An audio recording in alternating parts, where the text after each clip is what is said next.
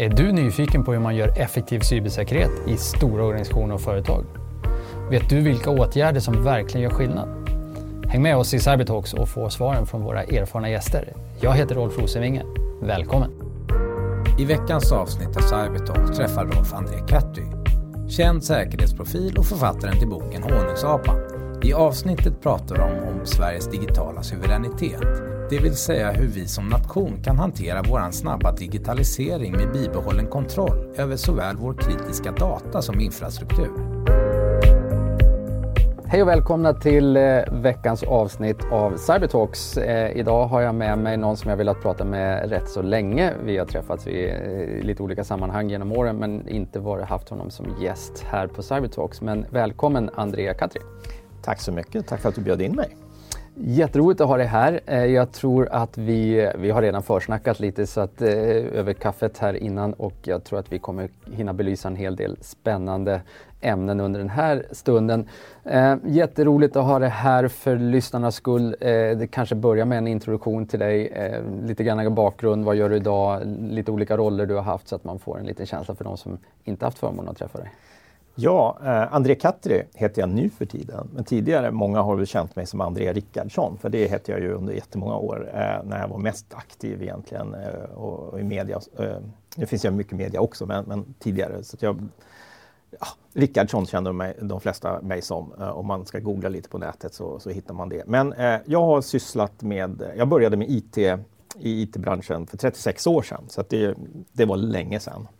Och under den tiden har jag jobbat 26 år med IT-säkerhet på en avancerad nivå. Och, och det började en gång i tiden med att jag jobbade på Utrikesdepartementet och fick, ett, fick en förfrågan om jag ville åka till Moskva och bygga ett nätverk. Eh, det skulle ta några veckor tyckte de.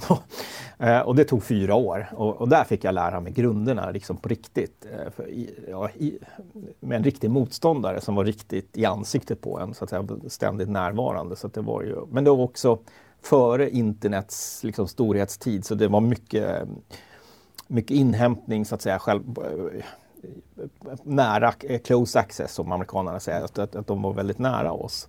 Eh, så det var där någonstans jag började och, och sen har jag haft förmånen att få jobba i, inom olika delar eh, inom, eh, inom, eh, på regeringskansliet, på eh, Säkerhetspolisen, inom Försvarsmakten och så vidare. Så att, jag, och, ja, så att jag har byggt väldigt mycket saker och gjort många, många olika saker. Jag har också fått åka världen runt och jobba med IT-frågor eller säkerhetsfrågor. Så det har varit ungefär 25 olika länder i, i världen på plats och, och genomfört eh, allt ifrån att byggt och utrett och, och genomfört operationer. Så att jag har jobbat med de flesta olika momenten inom IT. Allt från bygga system till programmering, till, till utredning, till att bryta mig in i system, till säkerhetsgranskningar och så vidare. Så att jag har väl en väldigt bred erfarenhet.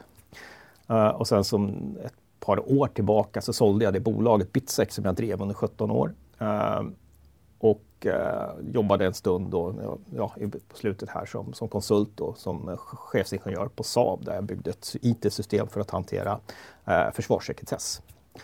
Och, och numera är jag författare på heltid nästan. Eh, och eh, inne på min andra bok som jag ska börja skriva här och min första bok har ju ja, eh, Honungsapan som då har som jag till och med fick pris för förra veckan eh, som, som eh, årets eh, debutant. Yes, och den ska vi återkomma till. Och, eh, eh, jag vet inte om du lägger in det i författarskapet men, men jag skulle kanske också lägga till debattör. Ja, nej men det, och det är själva syftet med boken. Det är att skaffa en plattform. Eh, så att egentligen, mitt syfte med att skriva boken var inte att jag skulle bli författare det blev ett mål eh, egentligen. Eh, jag gjorde en liten analys eh, för att jag, jag, jag drivs av att jag, behöver, jag vill att vi ska ha ett säkrare cybersamhälle i Sverige. Och, och, jag har debatterat den frågan under många, många år, skrivit många insändare och så vidare och jag har jobbat med att bygga system. Och mycket av de här enskilda sakerna har vi väl gjort ganska bra. Men jag kom fram till att den, man behöver ju sprida den här kunskapen bredare och, och, få andra att lyssna på den, till exempel våra politiker. Och när jag försökte analysera vilka är det som får egentligen tillträde till politikerna och föra en debatt och då kom jag fram till att ja, det sker väldigt mycket av kulturmänniskor. Så tänkte jag, ja, jag gör en liten social engineering-attack här. Jag blir kulturmänniska. Och det var det som blev liksom startpunkten till att jag skulle skriva de här böckerna. För då får jag en plattform, då, blir jag, då får jag en legitimitet som kulturmänniska att kunna debattera den här frågan. Och, och, det märker jag redan från första dagen jag kom ut med boken, att jag får en helt annan publik att prata till. Ja, det är jättebra och det är briljant. Och sen tycker jag det är ännu roligare att du faktiskt också outar din egen social attack här hos oss. Vilket skop vi har nu. Ja, varsågoda. Men du, eh, vi, vi eh, vi kanske ändå börjar lite i boken för jag tycker att det är lite spännande här. Du, du har börjat liksom berätta lite om, om, om varför men um, om vi tar kulturpersonlighet, inkliv, inklivandet i kultursfären, författarskapet, debattören. Vad, och du var inne lite grann på, men, men vad är det du egentligen vill sätta fingret på? Var är, för jag uppfattar nämligen, och det är också en av anledningarna till att jag tycker att det är spännande att ha det här idag. Eh, jag uppfattar nämligen att du är ganska tydlig i att du vill sätta fingret på någonting som vi som samhälle bör fundera kring aktivt, lite mer aktivt än vad vi kanske klarar av att göra så att vi inte hamnar i någonting. Kan du utveckla det lite grann, ja. vad du menar? Eh, alltså, ja, ja, det, det, finns ett, ett, ett, uttryck som har myntats under senare tid och det är digital suveränitet. Eh, och, och, det är ju egentligen det som jag drivs av.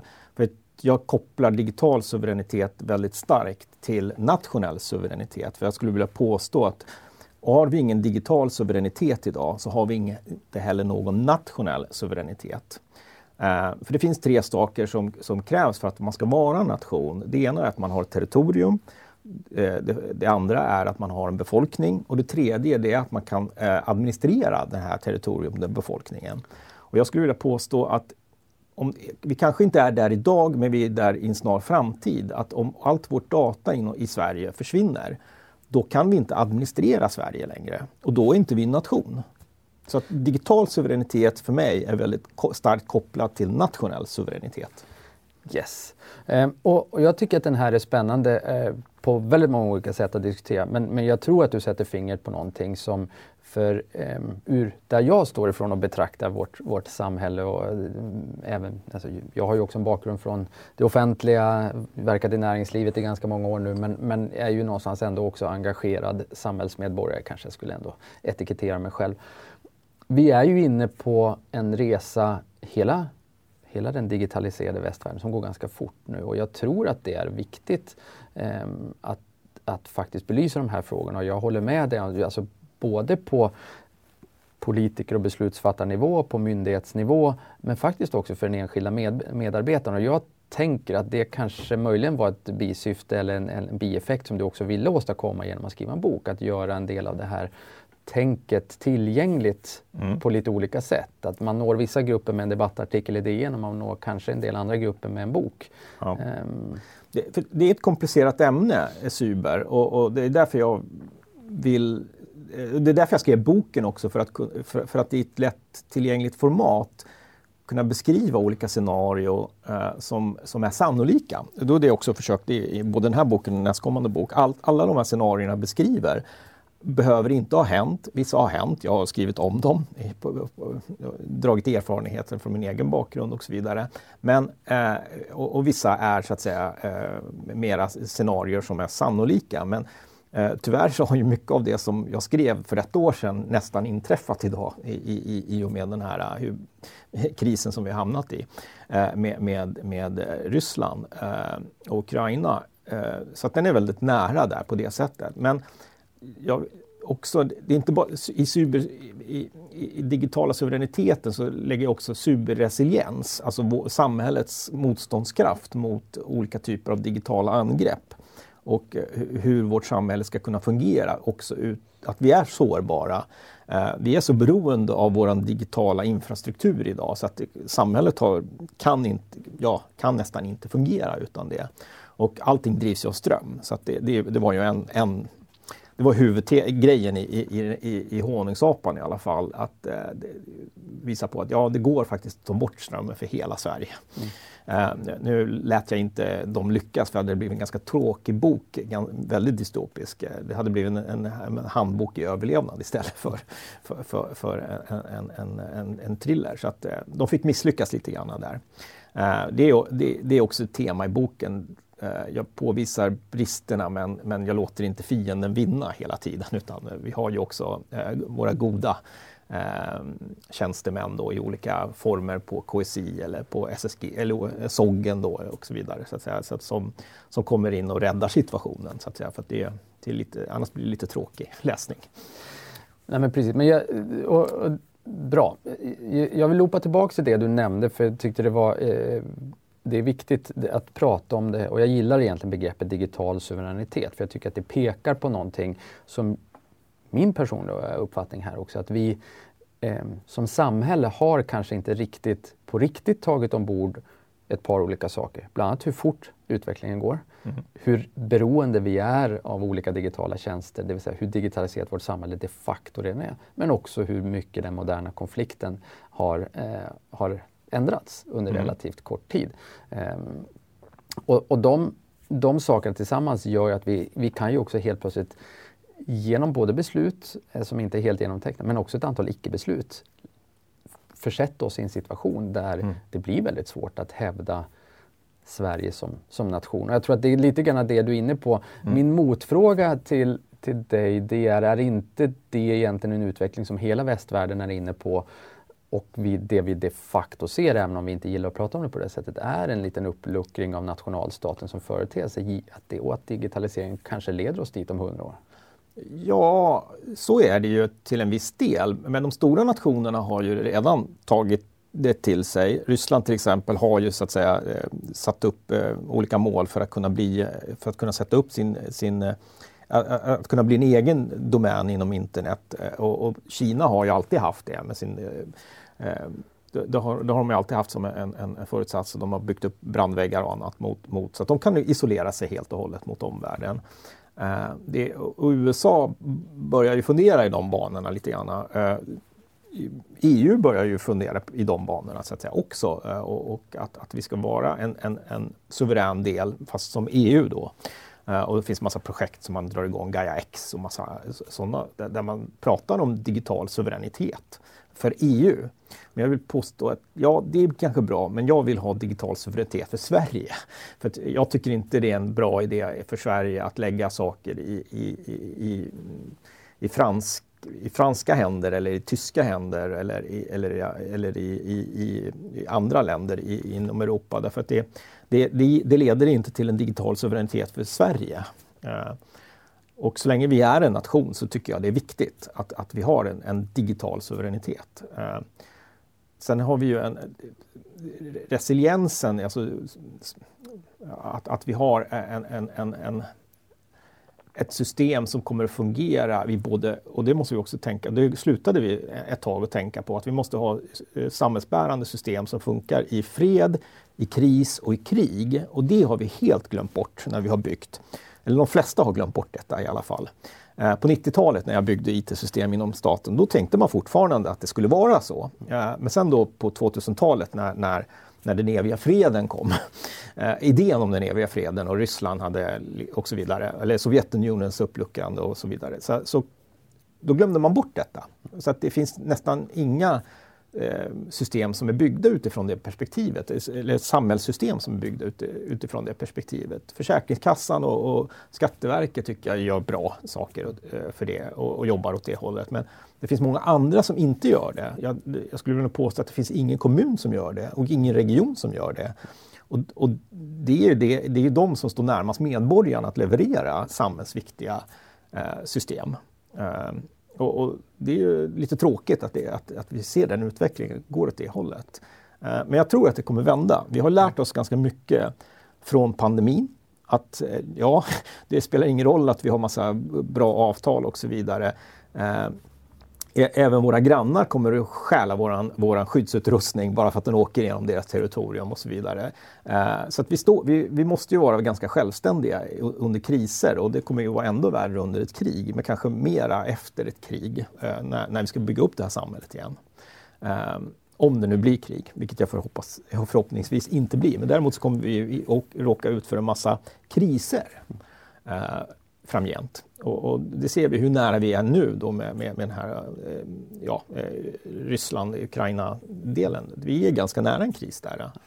Och på det temat eh, Så för, ofta när vi olika liksom, intressenter i den här debatten. Det kan vara du, det kan vara jag, det finns en hel del andra som, som tycker om att, att, diskutera de här frågorna.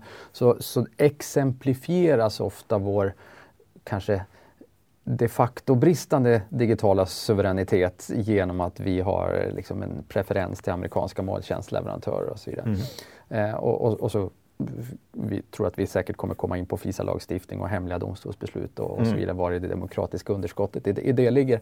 Eh, vilket det såklart gör. Det som jag ibland kan tycka är intressant är att när man sen rör sig lite utanför Sverige och, och, diskuterar ungefär samma fråga. Nu, jag hade en diskussion, det, det är några år sedan nu, med en est eh, som hade, där de hade dragit sina slutsatser ja. av att ha en stor eh, granne i, i öster eh, efter 2007.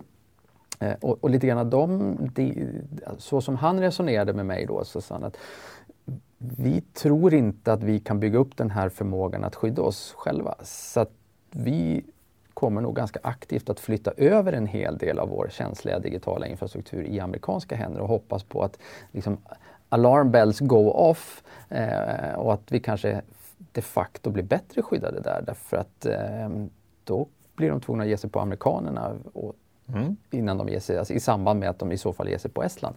Eh, det var lite hypotesen. Mm. Eh, jag tycker att den är intressant som ett, eh, som ett sätt att resonera kring det här. Så de vill ju egentligen åstadkomma så, så god digital suveränitet som möjligt fast med en helt annan strategi än att ta hem saker eller mm. bygga upp saker här. För att de var ett så pass litet land med begränsade resurser. Det var väl liksom hans tankegång eh, där. Mm. Och, och jag kan inte se att det är ett fel resonemang utifrån deras perspektiv. De säger att okay, vi är beroende av, för vår suveränitet av USA. Mm. Eh, Sverige har ju aldrig sagt det. Och, och, till Sverige säger det så kommer jag att slåss för att vi ska ha en egen digital suveränitet. Men när Sverige beslutar, eller om Sverige beslutar eh, på demokratiska grunder att Eh, nej, vi, vi, vår suveränitet är avhängig av någon annan vi är inte suveräna längre utan vi, vår suveränitet är beroende av någon annan. Ja, då kommer jag slåss för det istället. Men, men där är vi inte idag. Eh, vi, har en, vi, har en, vi, vi är fortfarande i att Sverige är en, en, en suverän stat. Eh, och, och, därför slåss jag för vår digitala suveränitet. Yes. Och det är bra och det tror jag att eh, jag tror faktiskt att också att det kommer väldigt mycket gott ur att föra den här diskussionen öppet. För för mm. mig är det här en ytterst en väldigt, väldigt grundläggande demokratisk fråga. Att ja. vi som nation ska välja den vägen själva. Vi kan välja det ena eller det andra, mm. men vi måste ha en, den riktiga debatten kring det. Och det tror jag är någonting som du är med och bidrar till. Ja. Um, för det, jag skulle säga, för, för vi har ju haft vissa typer av beslut, som att till exempel att vi ska bli världsbäst på digitalisering. Men så har man inte i det kommit till tanken om vad betyder det för nationalstaten Sverige? Att vi, blir bero, att, vår, att vi flyttar våran... För där är, har det ju varit så att säga, digitalisering har ju i mycket, mångt och mycket blivit amerikanska månlösningar. Mm. Bara vi flyttar våran arbetssätt liksom in i amerikanska mål, månlösning så har vi digitaliserat. Sen, sen kan man ju ha en del en diskussion om vad effekt och annat blir av det. Om det faktiskt är en digitalisering eller om det är bara nitifiering av, av, av sin verksamhet. Vilket är en skillnad egentligen. Eh, så, så genom det beslutet så har man ju, om man inte hanterar and, övriga frågor, så, så tar man ju de facto ett beslut också om, om vår digitala suveränitet utan att ha förstått det. Mm. Och, och, det är ju en poäng som jag försöker framföra. Att man, man, måste ha flera, man måste ha flera tankar i huvudet samtidigt när man tar de här besluten och se vad är konsekvenserna av de här besluten. Och det tycker jag inte att man har gjort. Yes. Um, och eftersom många av de lösningar som ju oftast liksom är de facto på bordet är amerikanska måltjänst, eh, måltjänster av olika slag så kanske vi ändå ska ta en liten eh, repa runt eh, FISA-lagstiftning och ja. annat. Så var, var i ligger egentligen problemet, kort sammanfattat? Alltså, FISA-lagstiftning, alltså, det är bara att titta. Vad betyder FISA? Uh, Foreign Intelligence Surveillance Act. Det är en uh, amerikansk underrättelselagstiftning. Sverige har också sån här lagstiftning, uh, FRA-lagstiftning och annat. Liksom. Vi, Eh, lagstiftning som medger eller talar om för våra underrättelsemyndigheter hur de ska spionera på andra länder. Eh, om vi pratar klar text. Så att eh, FISA-lagstiftningen är en, en, lagstiftning för hur, vilka regelverk som gäller när amerikanska myndigheter spionerar på andra länder. Eh, så det är grunden. Och, och, den kom 1978, sen blev det tillägg efter 9-11 eh, och så vidare, så kom FISA 702 liksom, för, för, att hantera Eh, den teknologin som finns idag och så vidare. Kan vi säga. Det, det, det, är en lagstiftning som medger att, att amerikanska myndigheter kan spionera på utländsk verksamhet på olika sätt. Och, och eh, alla länder har det, så det är inget kontroversiellt i det, eh, tycker jag. Eh, och hur det här med, med, vi har ju också hemliga domstolar i Sverige så att säga, eller ja, vi, vi underrättelsedomstolar och annat som, som, gör att, som tar beslut och så vidare, som inte vi medborgare har någon insyn till. Eh, så att ja, och, men det, det, det, som är, påverkar oss det är ju att vi lägger så mycket av vår, och alla lägger så mycket av sin, sitt data som normalt sett tidigare amerikansk underrättelsetjänst har fått åka ut i världen för att inhämta den kommer ju åkandes nu i, i, i IP-paket till deras verksamhet och den läggs i knät på dem. Så de behöver inte åka ut och hämta den här informationen utan de får den direkt. Uh, och, och, det här kan ju alla som har jobbat uh, eller förstår hur underrättelsevärld fungerar eller och inhämtning, de förstår ju detta. Liksom, så är det ju bara. Uh, och, och, det är ju inget kontroversiellt tycker jag, utan det är bara att acceptera. Men men är det, är, det, är det magnituden som är det stora problemet eller är det de hemliga domstolsbesluten eller är det koncentrationsrisken? För Nej, precis som du är inne på, jag, underrättelsetjänsterna ja. har ju, har ju de, de, de, de, om vi tar de amerikanska underrättelsetjänsterna, precis som vilket land som de inhämtar ju inte bara eh, i det som är tillgängligt på amerikansk jord, de ja. inhämtar ju globalt. Så att bara för att vi flyttar data till EU eller hem till Sverige gör ju inte det att det är autoskop, snarare tvärtom. Det är kanske än mer eh, ja. inskop fast vissa saker blir lättare och vissa saker blir svårare. Men, men vad, vad är det koncentrationsrisken som du tycker Nej, är det jag, jag tyck, mest problematiska? Jag tycker att, att, att, att, den stora risken är att vi inte är medvetna om risken. Det är det som är risken. Mm. Uh, när jag för den här del, när, när, jag, när jag pratar med myndigheter eller, eller kommuner eller offentlig verksamhet så, så är de inte medvetna om att USA spionerar på oss de facto. Och det vet vi ju. Och, och där tycker jag att, att Säpo har gjort oss en björntjänst genom att när de har sina årsrapporter så pekar de ut 15 länder som, som, eh, som de eh, säger att ja, men det, det, det, är ungefär 15 länder som spionerar på oss och sen, så, sen räknar man upp eh, Kina, Ryssland och Iran som de tre namngivna länderna. Sen de andra pratar man inte om vilka det är. Eh, vilket gör att kommuner, landsting och andra de kan inte göra någon rimlighetsbedömning om den informationen de har är av intresse av någon underrättelsetjänst. Alltså de kan inte göra en riskbedömning därför att de har inte underlaget för sig. Och det, eh, och det, det, och det, det är egentligen det som jag tycker är ett, ett, problem. Inte att amerikanerna spionerar på oss, för det vet vi. Eh, det tycker inte jag är ett problem. Däremot tycker jag är ett problem att det är så många som inte vet det, som ska besluta och bestämma om vart det här datat ska befinna sig. Yeah. Att man inte har med det i sin riskanalys. Det är det som jag tycker är problematiskt. Yes. Det är bra och det tycker jag är en viktig distinktion i den här därför att ibland när man läser eller lyssnar på vissa andra så låter det som att vi helt plötsligt är, är superrädda för amerikanerna för att de är amerikaner. Mm. Eh, det är trots allt, eh, även om de svajade lite här för, för något år sedan, eh, så är det fortfarande en... de kan göra världen, det igen. Ja, det kan de göra igen.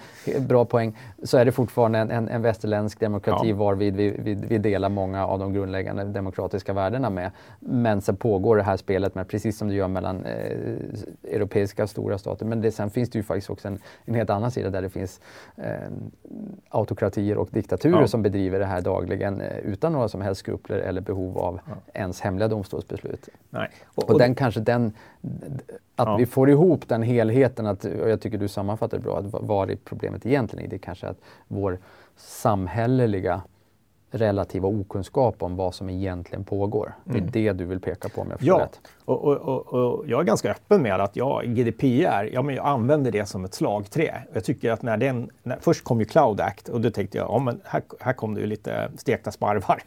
så då kunde man använda Cloud Act som ett slagträ och säga att nej, men, titta på, på, på det här, att det, den här datan kan ju faktiskt eh, det strider mot GDPR och, och, och kanske OSL och annat. Uh, och, och sen kom ju då Charms 2-domen som upphävde då eh, eh, Privacy Shield, eller yeah, yes. ja, och, och, som gjorde det ändå mera problematiskt att, att skicka data till USA. Så att jag använder ju det som som ett verktyg för att, att åskådliggöra problematiken. Men jag, men jag försöker också samtidigt eh, föra in den här andra aspekten med, med, med ekonomiskt spionage och annat så, som också bedrivs i, med, med, själva syftet med de här FISA-lagstiftningarna och annat egentligen, vad, vad, vad målsättningen är. Eh, och jag använder ju själv amerikanska moln och, och jag rekommenderat, har också rekommenderat företag att använda amerikanska moln. Eh, men däremot när man kommer till offentlig verksamhet, då är det inte frågan om det är bra med amerikanska moln eller indiska eller kinesiska eller ryska moln. Där ska vi ha en digital suveränitet så måste informationen vara kvar i Sverige och vi måste vara rådiga över informationen. I krig, i fred och i kris. Och, och då spelar det ingen roll vem, då, då är det bara svensk svenska mål, eller svenska, eh, eh, svensk, att det är bara svenskar som hanterar informationen yes. som är viktigt i Sverige.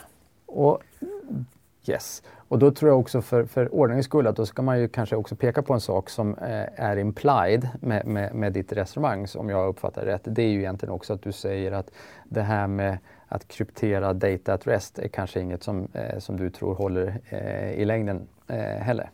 Ja, eh, ja, kryptering, det, det, är ju en jättesvår fråga. Det, jag, vet, jag inser att det är Pandoras box jag öppnar här nu, men, men jag, vill ändå, för, för jag tycker ja, ändå att den, för, för att det, den är ändå viktig Min tredje bok eh, kommer att handla om, om, om det i, i, fiktiv form. Alltså, kryptering är jätte, jättesvårt. Och, eh, och, och eh, det, det, det, finns en orsak till att det finns civila krypton och eh, militära krypton och varför militära krypton fortfarande omgärdas med exportrestriktioner. Uh, det är helt omöjligt egentligen att bygga ett krypteringssystem där man förlitar sig på den som har byggt krypteringssystemet att det är skyddat ifrån den som bygger och tillhandahåller kryptot.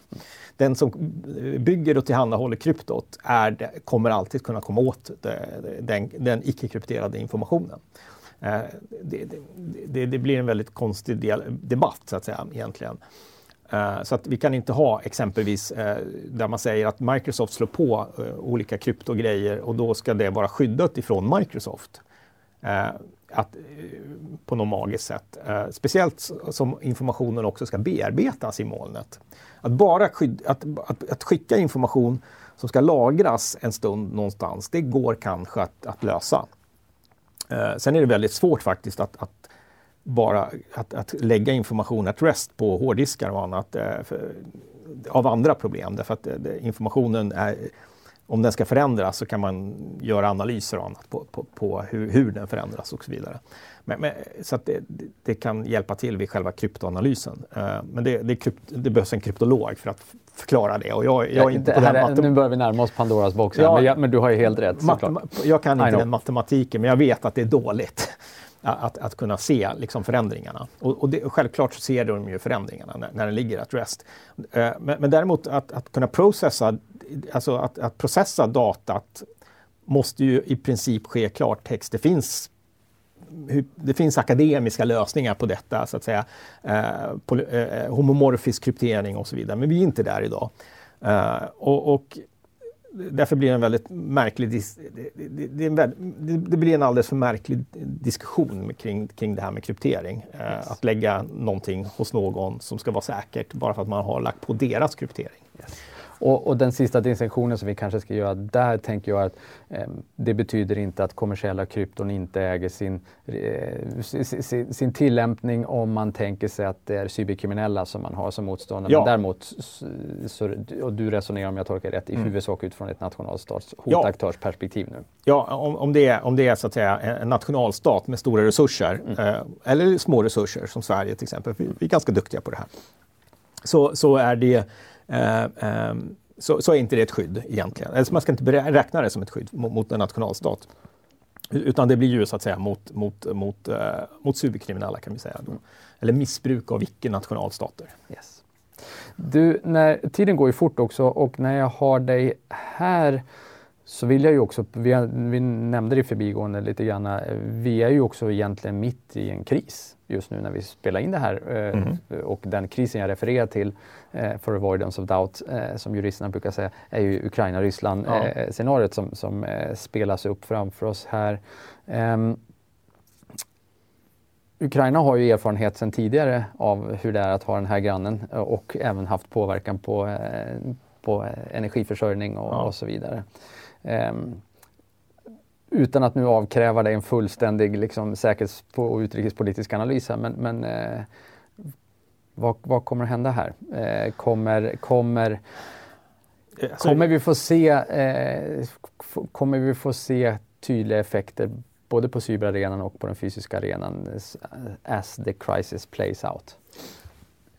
Jag tycker att jag kan uttala mig på cyberarenan, för det, det är det som jag kan. Och, och, och, och, jag, och det vi kommer att se, tror jag, att det, då, när, när ryssarna skaffar sig förmåga att göra någonting eh, så kommer de använda sig den. Och, och, de jobbar ju självklart, det är jättemånga där som jobbar på, på högtryck för att hitta olika typer av svagheter i ukrainsk eh, eh, infrastruktur och på, på, andra sätt kunna störa ut dem.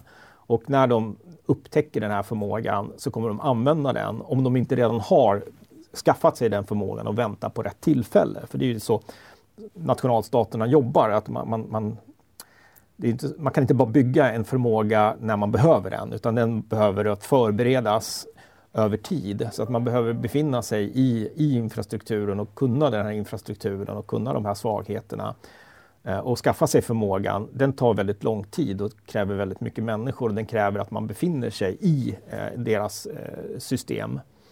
Eh, och det kommer vi nog se mer av. Uh, och, och, vi såg det tidigare där både de har slagit ut uh, till viss delar under, under tidsperioder elförsörjningen.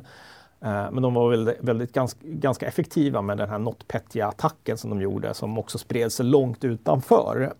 där, där Maersk liksom helt slogs ut och andra liksom, som, som slogs ut på grund av att, att man hade förbindelser med, med lokalkontor inne i, i, Ukraina som blev smittade av det här, uh, den här uh, malwaret eller attacken eller, eller uh, weapon, weaponized uh, angreppsmetoden. Alltså den, den, ja, det angrepp, det, det, programvaran som de använde sig av för att förstöra hårddiskarna.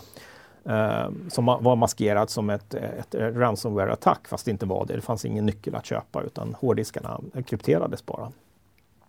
Eh, och, och, det kommer vi ju kunna se. Jag tror att sådana attacker kommer vi se eh, när, när de möjligheterna för, för, för då, eh, främst Ryssland och dess allierade, när, där, när, det upp, när, när den uppstår så kommer de att ta det. eh, och använda de metoderna. Så det, det, är, det är en del av, av, av krigföringen. Så att vi glömmer bort att, att cyber är en, en egen krigsdomän idag. Eh, precis som, som land och hav och, och, och, eh, och, luft. Så är, och man säger väl också rymd. Eh, men, men, det är en egen krigsdomän idag. Så att vi måste ju det, se det som det. Tyvärr är det en krigsdomän som är aktiv även under fred.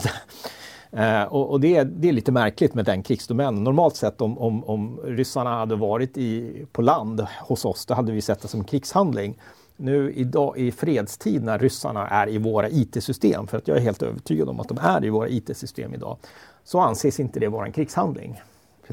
Det... För, för jag tycker du, du säger någonting och jag, jag, jag, väl, jag väljer att lyfta fram det eh, för att jag tycker att det är viktigt. För det du egentligen, om jag tolkar rätt, säger, och vilket jag ju eh, stöder 100% i så fall, eh, det är min uppfattning också, det är ju att för att kunna lyckas med offensiva cyberoperationer som nationalstat så behöver du ha jobbat med att eh, skapa access eh, redan före du inleder den aktiva fasen. Det vill säga, det där pågår hela tiden, varje dag. Vi kan också, nu pratar vi om det i Ukraina därför att det är eh, på TV. Men det är klart att det påverkar Sverige också redan ja. idag. Ja, och, och, det är det enda sättet att, att kunna eh, vara säkra på att man har en förmåga när den behöver användas, det är ju att utveckla den kontinuerligt idag.